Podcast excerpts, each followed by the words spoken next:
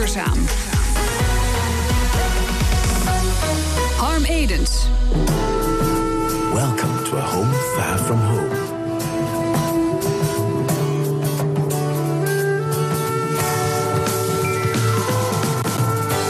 Welcome to a land where nature's still pure. Meteorologische lente is begonnen. En dat betekent voor heel veel mensen vakantiekriebels. Waar gaan we in de grote vakantie naartoe?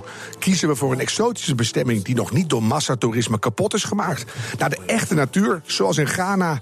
Of toch maar naar die prachtige goedkope stranden van Turkije? Want wat kan jou een aangeschept reisadvies schelen als de vakantie goedkoop is? Bij het kiezen van een vakantie letten de meeste mensen nog helemaal niet zo op duurzaamheid. Terwijl er in de reisindustrie zelf van alles aan de hand is. En daarom zijn onze reisleiders vandaag Frank Oostdam, directeur van brancheorganisatie ANVR. En Elise Allard, expert duurzaam toerisme van reisorganisatie TUI. Beide welkom. Frank, mag ik bij jou beginnen? Let jij er zelf op als je op vakantie gaat dat je een beetje duurzaam doet? Ja, ik let er wel op, maar dat is ook omdat ik het weet. Um, het probleem, dat is tegelijkertijd ook het probleem dat als je naar een hotel gaat in een, in een ver land, dat je ook vaak niet ziet of een hotel duurzaam bezig is, ja of nee. Dus daar begint het al mee. Vertellen waar je mee bezig bent. En dat zijn we vanuit de reissector ook. En wat, wat doe jij wel en wat doe je niet? Nou, ik probeer, als ik dan toch ver moet vliegen, dat ik dan rechtstreeks vlieg. En niet indirect. Hè, want als je met een tussenlanding moet vliegen, dan heb je weer meer uitstoot. Mhm. Ik probeer toch te kijken of ik in een hotel zit waar uh, er aan duurzaamheid wordt gedaan. Um, probeer, als ik een excursie neem, toch een, een bus te nemen die niet al te veel uitstoot uh, veroorzaakt. Het zijn eigenlijk van die dingen die je gewoon normaal op basis van gezond verstand moet doen. Ja, maar heb je daar echt invloed op? Want dan ben je midden in Ghana en dan staat er zo'n ja. zo'n uh, dieselbrakend jeepje. En dan zeg je, ik ga niet mee. Niet altijd. Het belangrijkste is natuurlijk dat je het heel erg naar je zin hebt op zo'n bestemming. Maar vaak ben je wel in de gelegenheid, en dan moet je dat ook doen. Ja, een soort bewustzijn dat Ja. je. Elise, wat, wat doe jij wel en wat niet? Nou, ik ga wel gewoon op vakantie.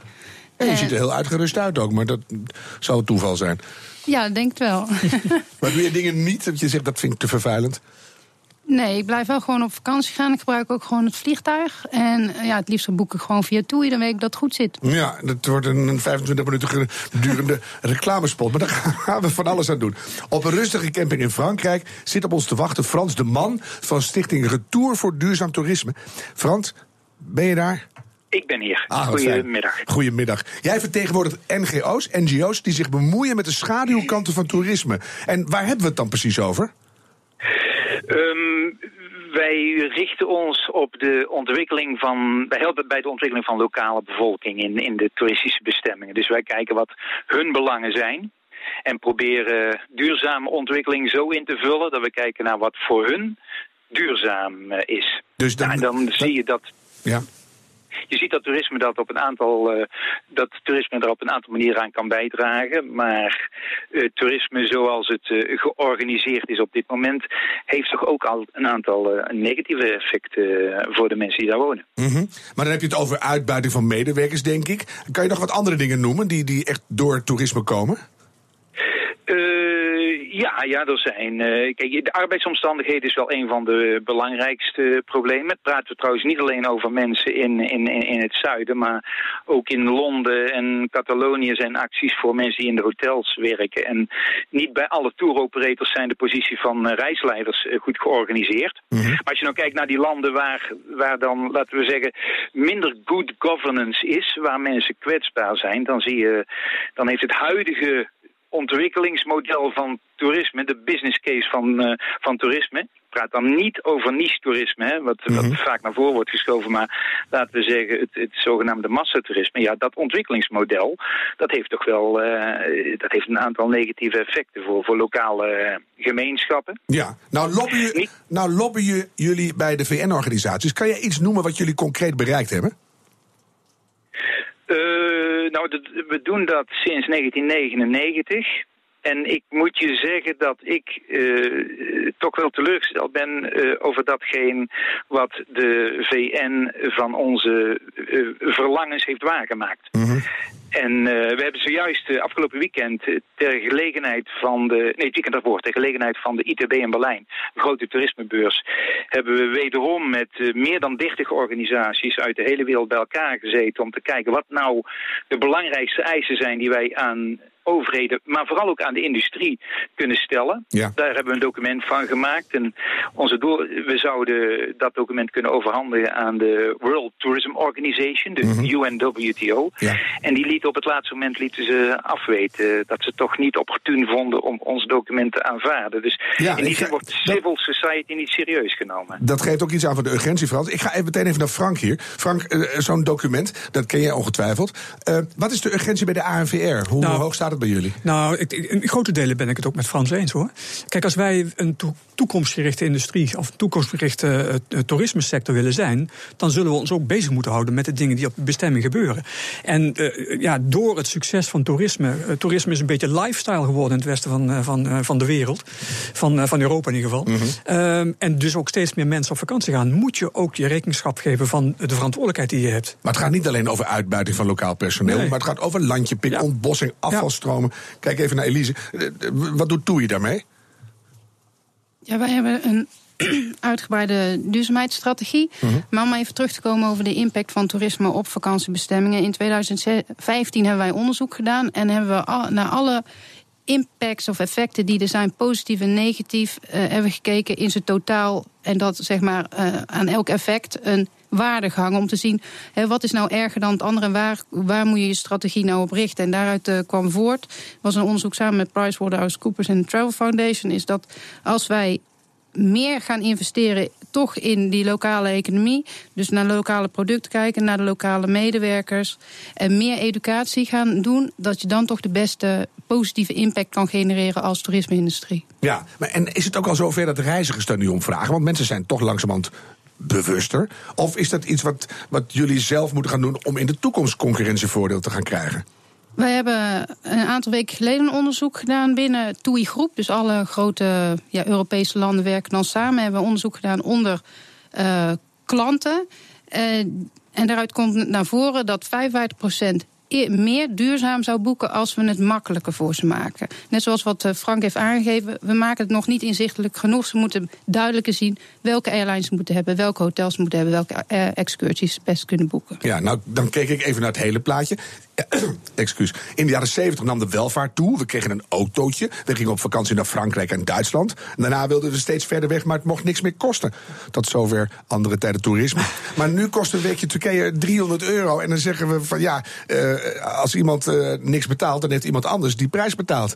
Frank, de- hoe ga je die spiraal doorbreken? Nou, door, door, door zoveel mogelijk mensen op vakantie te sturen, maar dat wel goed gereguleerd en gekanaliseerd te doen. En vanuit de sector in ieder geval de verantwoordelijkheid te nemen om daar dan ook wat aan te doen, zodat die uitwassen worden voorkomen. Dus, eh, dus eh, wat dat betreft, eh, en er gebeurt al een hele hoop in die, in die reissector. Nog niet genoeg, mag allemaal wat sneller. En ik zou ook zo graag willen dat, daarom ben ik zo blij met eh, het onderzoek wat TUI toen gedaan heeft, onder die consument, dat de consument er nog meer om gaat vragen.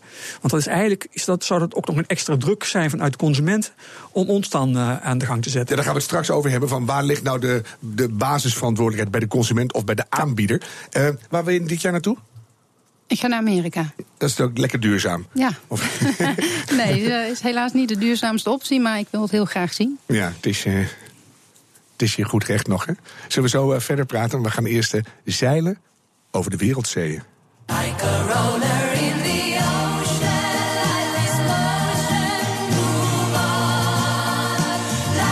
zoek naar duurzame oplossingen voor onze losgeslagen planeet. En als ze ergens losgeslagen en lamgezopen zijn, dan is het wel op party-eiland Ibiza. Ivar, Harm, goedemiddag. Wat? Eh, ja, we zijn op Ibiza. wat moet je daar? Ik hoorde iets van een beach clean-up. Zijn jullie de troep aan het opruimen van al die laveloze TUI-toeristen?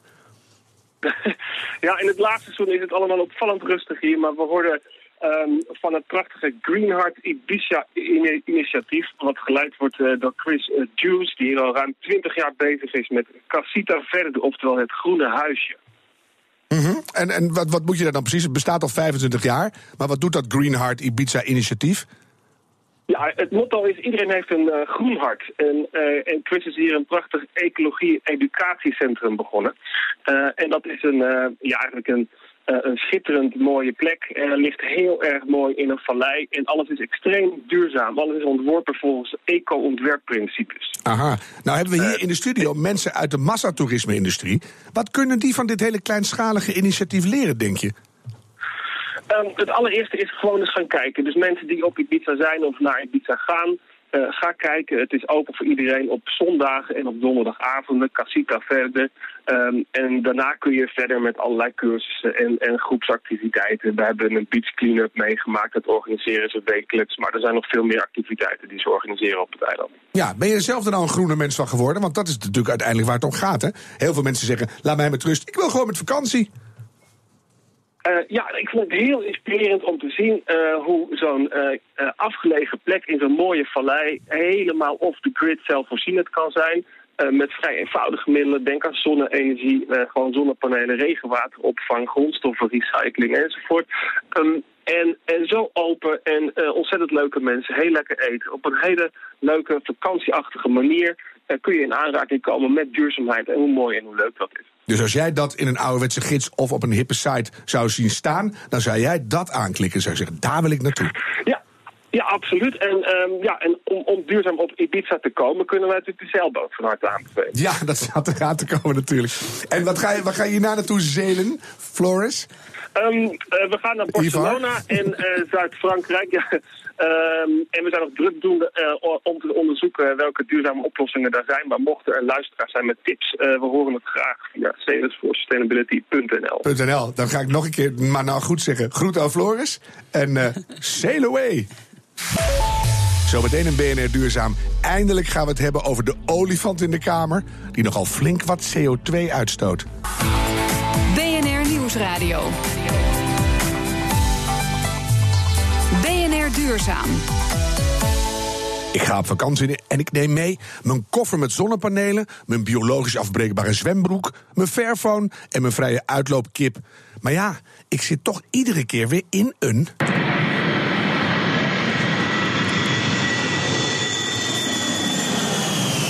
Waar we ook heen vliegen, de klimaatschade is gigantisch. Eke Eigelaar van de Hogeschool NHTV in Breda heeft het dus voor ons doorgerekend. Dus let goed op Frank Oostdam van de ANVR en Elise Allard van Toei. Want er komen een paar pittige getallen aan. Eke, Ja, goedemiddag. sinds 2000 is de uitstoot, sinds 2002 moet ik zelfs zeggen... is de uitstoot van broeikasgassen door toeristen met 15% toegenomen. Hoe is dat mogelijk? Nou, dat komt door het eh, veranderende reisgedrag waar jullie het eh, eerder al over hadden. We gaan, eh, we gaan steeds verder en we gaan steeds vaker met het vliegtuig op vakantie. En dat heeft die toename volledig veroorzaakt. Ja, hoeveel procent van onze totale CO2-uitstoot komt van toeristische vliegmachines? Weet je dat? Nou, dat is, op het wereldwijde toerisme is dat zo'n 40 procent. En in de- Nederland ligt het rond de 50 procent Van alle CO2-uitstoot? Van het toerisme. Oh, Oké, dus ja, ja, ja. Je hebt voor ons een paar specifieke reizen doorgerekend. En dat vind ik heel interessant. Dat doe jij met de Karmakal. Dat is een door jullie ontwikkelde rekenmachine voor vakantieemissies. Kan je twee dingen voor mij vergelijken? De 14-daagse reis naar Bali. En dan kan je op twee manieren naartoe, had ik begrepen. En een tiendaagse stedenreis naar de Côte d'Azur. Van Nice naar Cannes naar Saint-Tropez. Ja, overigens hebben we die Karma Call samen met, eh, met Frank en eh, Elise en een aantal anderen ontwikkeld. Oh, is... Ik heb, ik heb er twee, eh, ik heb er twee eh, reizen in doorgerekend, inderdaad. Ehm, als je met een eh, tussenstop naar eh, Bali gaat en je, je, je brengt de tijd door in een aantal doorsnee hotels en je doet wat algemene activiteiten, Mhm. dan stoot je zo'n eh, 2,7 ton uit. En als je diezelfde reis met een iets goedkopere vlucht doet, met twee tussenstops, dan kom je op 3,5 ton. Een enorm verschil, hè? Dat is een verschil waar je eh, ongeveer 4000 kilometer auto mee kunt rijden. Ja. En dat, om een klein beetje prijsgewin te halen. Dat zou er in de gids bij moeten staan, hè? Heel makkelijk. Kies Dat je voor, mij, eh, voor eigen belang of voor de planeet? Ja, het lijkt mij eh, heel mooi als dat inzichtelijk wordt gemaakt... zodat in ieder geval de consument kan kiezen. Ja, en hoe zit het bij de Côte d'Azur? Nou, bij de Côte d'Azur is het totaal wat kleiner natuurlijk... maar ook daar heb je heel snel verschillen. Ehm, als je er met de trein heen gaat, dan stoot je zo'n 280 kilo uit... en eh, doe je het met, de, met het vliegtuig en eh, huur je er een auto bij... dan eh, zit je al snel op zo'n 400 kilo. Dus dat is toch Ja, zo'n eh 30% verschil. enorme getallen. Ik kijk naar de gasten hier in de studio, Frank en Elise. Vliegtuigen zitten niet in het klimaatakkoord van Parijs. En duurzaam vliegen is nog ver weg. Wat kunnen we doen? Elise? Nou, we kunnen best wel veel doen als je een airline bezit. In ieder geval zoals TUI Groep. En we hebben zes airlines en we hebben ja, flinke doelstellingen daarop eh, eh, ja, ingestoken. Mhm. En eh, als je kijkt naar wat we hebben gedaan, we hebben onze vloot hebben aangepast, waardoor we ja, een reductie hebben gereduceerd van de laatste vijf jaar ongeveer van 20% CO2-reductie per passagierskilometer. Maar we, we kijken ook naar, ja, naar de echte oplossing naar biofuel. Maar er is te weinig van. En zelfs dan blijf je gewoon, omdat het ook nog toch steeds bio is, blijf je CO2 uitstoten. Eh, Is dat de weg die we gaan moeten, of moet het de hele andere kant op? Ik kijk even naar Frank. Nou, het begint met, met, met eerlijke en transparante informatie aan de consument te geven. Die vakantieganger wil dat gewoon weten. En het is dus ook al voor onze verantwoordelijkheid. En daarom ben ik ook zo trots op die Karmakal die we samen hebben ontwikkeld. Eh, want die geeft daar inzage in. En dan kan je als consument kiezen. En wij kunnen als reissector, die kan ook adviseren. Van zou je nou in plaats van met, de, met het vliegtuig naar Parijs, eh, waarom zou je niet de trein nemen? Ja. Dat soort eenvoudige keuzes. Wat ik net al zei, ook eh, waarom niet rechtstreeks vliegen? Als het, eh, als je, als je, dat, dat spaart ook CO2. Dus er zijn tal van mogelijkheden die je kunt doen, waarbij je toch kunt vliegen. Want we moeten niet vergeten dat toerisme ook veel goeds brengt in, in, in verre landen. Maar toch dat bewust kan doen. Nou, als je naar de hele economie kijkt, dan gaat het richting cyclische economie. En daar hoort, hoor je van alle kanten, een werkende CO2-beprijzing bij. Dan denk ik eigenlijk automatisch, wordt dat de nekslag voor de toeristenindustrie, Frank? Ja, ik denk, het, kijk, eh, toerisme is lifestyle geworden in Nederland. En sowieso dus in de grote delen van de wereld. Mensen willen gewoon op vakantie. En, eh, en dat zal primair zijn. En eh, ik denk wel dat uiteindelijk, uiteindelijk reizen in de toekomst wat, wat, duur- wat duurder gaat worden. Mhm. Met name door dit soort activiteiten. Dan kijk snel naar Elise. Dat moeten we niet hebben, duurdere reizen. Nee, eigenlijk niet. Hoe ga je dat verkopen aan al je klanten? Nou, volgens mij vindt het wel gewoon plaats dat, het, dat er altijd weer een oplossing komt. Want er is altijd zoveel vraag. Dan verschuift misschien de vakantievraag naar bepaalde bestemmingen en dan bieden we dat aan. Mhm. Kan, kan je ook denken aan totaal andere soortige, hele creatieve oplossingen? En, en wat denk je dan bijvoorbeeld, Frank? Hele creatieve. Oeh. ehm, Waar jullie in het geniep mee Ja, bezig zijn? Ja, dan moet je toch echt bij de airline-industrie zijn. Hè? Die steeds grotere vliegtuigen bouwen, die steeds zuinigere vliegtuigen bouwen op biofuel. eh, Mhm. eh, steeds beter bezet zijn, eh, wat geluidsarmer gaan vliegen. Dus daar moet toch vooral ook de, de, de oplossing van komen. Waarbij je echt in hele korte slagen veel CO2-uitstoot kunt, kunt ver- verminderen. Ja, maar op een gegeven moment dan, dan nadert die grafiek zijn maximum. Klopt, en dan blijf je hangen. En Klopt. je wil eigenlijk naar nul. Dus ik kijk weer even naar Elise. Een mentaliteitsverandering. Minder ver op vakantie. Nou, laten we het eens voorstellen. nee, wat maar die- zou dat kunnen als tour operator? Want je wil mensen zeggen, die moeten allemaal ver weg en, en lang. En dat kan niet op allemaal. Maar je kan ook zeggen, ja, eh, vakanties dichtbij aantrekkelijk aanbieden. Nou, zou misschien kunnen. Mooie foto's. Urk, schitterend, uw droombestemming. Nou, we bieden een heleboel bestemmingen aan gewoon aan het Middellandse zeegebied. In plaats van alleen maar ver weg naar de Cariben. Maar dat maakt geen bal uit, want dan vliegt het meer uit. Vliegt weer naar eh, hè, de Middellandse Zee of naar Noord-Turkije. Zal misschien ietsje minder worden nu, maar dat, dat is allemaal vliegen. Weet je, Ja, weet je, ja, Ja, weet je, weet hoeveel, macro-economisch, hoeveel mensen er in de, in de, in de toerisme-industrie werken? Het zijn, Nee. het is, eh, 1 op de 11 werkt in de, in de reissector, wereldwijd. Eh, een inkomstenbron voor een groot aantal landen van, eh, van heb ik jou daar. Dus wat dat betreft, als we met elkaar zouden zeggen... we blijven alleen maar in Nederland, dan wordt het en in Nederland heel erg druk. Heb je ook Ja. geen vakantie meer. Nee.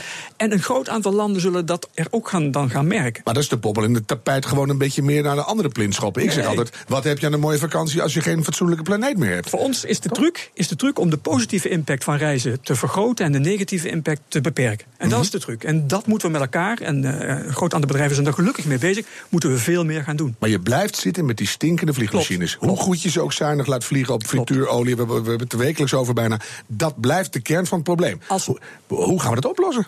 Als we met elkaar echt eh, eh, duurzaam willen reizen, dan moeten we een tentje eh, opzetten in onze eigen tuin. Ja. Maar dat willen we met elkaar niet. En dat is ook niet goed voor een groot aantal andere landen. Nee, maar je, je begrijpt waar ik heen wil. Ja, tuurlijk. Dus waar, waar droom je dan van? En, en waar ligt dan die verantwoordelijkheid? Moet je dan als consument zelf thuis maar denken... ik wil wel een goede wereld, ik kies voor een fietsvakantie in Drenthe? Of, nee, ik ga gewoon naar Bali, ik heb mijn hele leven lang hard gewerkt... ik wil die boer, boerdoer zien, die trouwens niet op Bali staat, Elise. Nou, wat ik belangrijk vind van duurzaam toerisme, dat er ook sociale aspecten worden meegenomen. En dat we dus ook kijken naar de, naar de, naar de financiële impact op bestemmingen. Sommige bestemmingen, zoals Frank al aangaf, ja, die hebben helemaal geen bestaansrecht als toerisme daar niet is. Als wij daar Maar dat niet is naartoe geen excuus vliegen- om te zeggen... we blijven gewoon vliegen met z'n allen natuurlijk. Want je blijft zwaar vervuilen. Daar moet op een manier een oplossing komen, het lijkt mij voor jullie. Nou ja, daarom kijken wij naar de oplossing biofuel, waardoor je de carbonreductie eh, ja, heel erg klein maakt. Mhm. Maar daar moet in geïnvesteerd worden. En dat proberen we dus te doen samen met Wageningen Universiteit rondom algen. Ja, dat is wat, wat mij eh bezighield. Is een verantwoordelijkheid van de toeristenbranche om mede te investeren in technologische ontwikkelingen? Ja, en dat doet TUI ook. Eh, We hebben dus een samenwerking al sinds 2008 met, eh ja, met Elgi Park vanuit Wageningen Universiteit. Maar we hebben bijvoorbeeld ook vorig jaar eh, een samenwerking gehad met, met Boeing rondom eh, ja, de Eco Demonstrator. Is een vliegtuig geweest dat niet gebruikt werd voor passagiers, maar eh, de kleuren had van TUI. En dat is een soort laboratorium in de lucht geweest. En hebben allerlei dingen kunnen testen. En de positieve dingen die eruit gekomen zijn, die worden nu gewoon door Boeing gebruikt in de fabricage van de nieuwe vliegtuigen. Dus het gaat eigenlijk veel verder dan wij stiekem weten. Ja. Mooi. En is dat puur uit economisch gewin of voel je ook iets van maatschappelijke verantwoordelijkheid? Nou, dat is bijna een eigen goal, hè? Vraag ik gewoon, komt er ooit een tijd, Frank, dat vakanties CO2-neutraal zijn? Ja, dat denk ik wel. Dat denk jij wel. En Elise? ja, dat is wel mogelijk. En hoe ver weg is dat nog? Nog wel eventjes weg. Noem eens, noem eens vaag een jaartal waarvan je denkt... dat De jaren 25? Dat hangt ook af van nieuwe soorten modellen, vliegtuigen en dat soort zaken. kan ik nog net meeleven. En Elise? Nou, je zit wel aan, aan flink wat jaren te kijken, want een vliegtuig gaat heel veel jaren mee. En je kunt niet in één keer je hele vloot wegdoen. Wel, dan gaan we gewoon tien jaar naar Urk. Zullen we dat afspreken? Ik krijg toch een beetje hoop. Dan Frank Oostdam, Elise Allard en Eke Eigelaar aan de telefoon. Rest, BNR Nieuwsradio. BNR Duurzaam. Harm Edens. rest mij nog één. Laatste vraag. En die is ook deze week voor een ondernemer met een duurzame hoofdbreker. Ik zat laatst in een trein naast twee Amerikaanse meisjes die in Nederlands op vakantie waren en we reden over een rivier. De een vroeg hoe zou de rivier heten? Waarop die ander zei: Geen idee. Ze hebben hier zoveel rivieren en kanalen dat ze ze waarschijnlijk geen naam meer geven.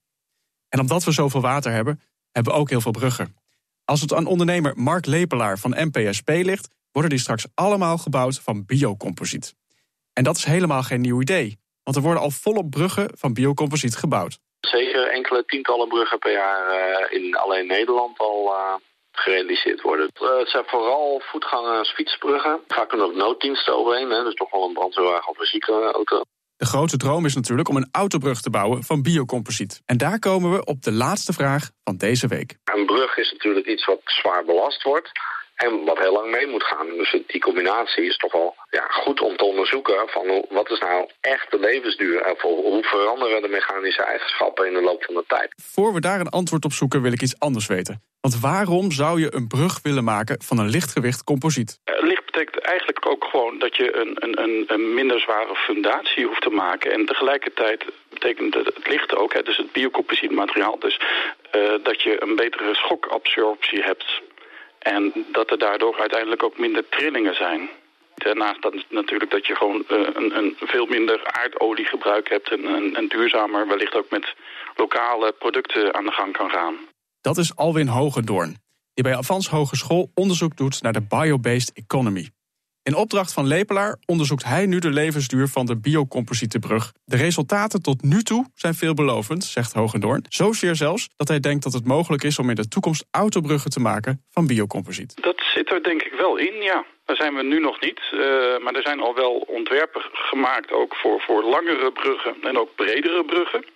En dan eh, zal je zeker ook eh biocomposiet kunnen gebruiken daarvoor, ja. We gaan zien hoe lang het nog duurt. Eind dit jaar in elk geval is het onderzoek klaar. Oh ja, nog één ding. Die rivier, die volgens de Amerikaanse meisjes geen naam had, dat was de Maas. Een bijdrage van redacteur Daan Marcelis. U kunt deze uitzending terugluisteren via bnr.nl, de BNR-app of stream ons via iTunes en Spotify. Zometeen is Petra Grijze hier met BNR Spitsuur. Ik zeg, hou hoop en doe het duurzaam. Tot volgende week.